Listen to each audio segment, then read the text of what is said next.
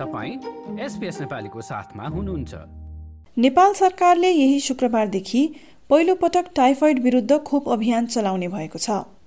Typhoid प्रायश गर्मी महिनामा लाग्ने एक सरुवा रोग हो जुन दूषित पानी वा फोहोर पदार्थहरूबाट सर्ने गर्छ। यो रोग लागेमा ज्वरो आउने जिउ दुख्ने बान्ता आउने पखाला लाग्ने आदि लक्षण देखिन्छन् जुन बढ्दै गएमा मानिसको ज्यान समेत जान सक्छ।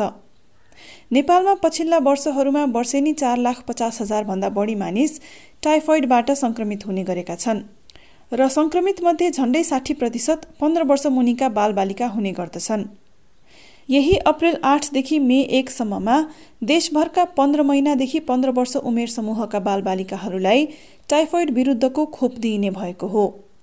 विद्यालय स्वास्थ्य चौकी लगायतका स्थानमा गरेर पाँच सय छ्यासी खोप केन्द्र तोकिएका छन् र यस अभियानका लागि छ सय बिस स्वास्थ्य कर्मी र एक लाखभन्दा बढी स्वयंसेवक परिचालन गरिने भएका छन्। यस अभियान अन्तर्गत पचहत्तर लाख बालबालिकालाई टाइफाइडबाट सुरक्षित गराउने लक्ष्य रहेको छ। खोप सम्बन्धी विश्वव्यापी सञ्जाल गाविले नेपाललाई यो खोप निशुल्क उपलब्ध गराएको हो।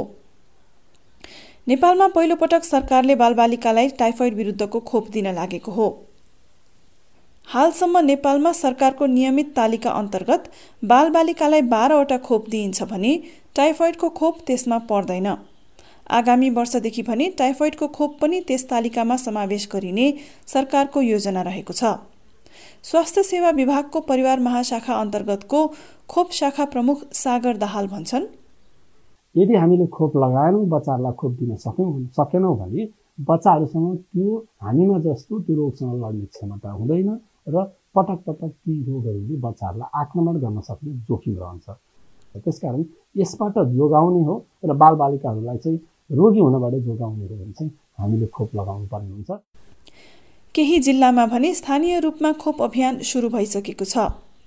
यसरी टाइफोइड विरुद्ध खोप दिने नेपाल दक्षिण एसियामै पहिलो राष्ट्र हो। यो खोपको रोग प्रतिरोधात्मक क्षमता झण्डै सन्तानब्बे प्रतिशत रहेको बताइएको छ।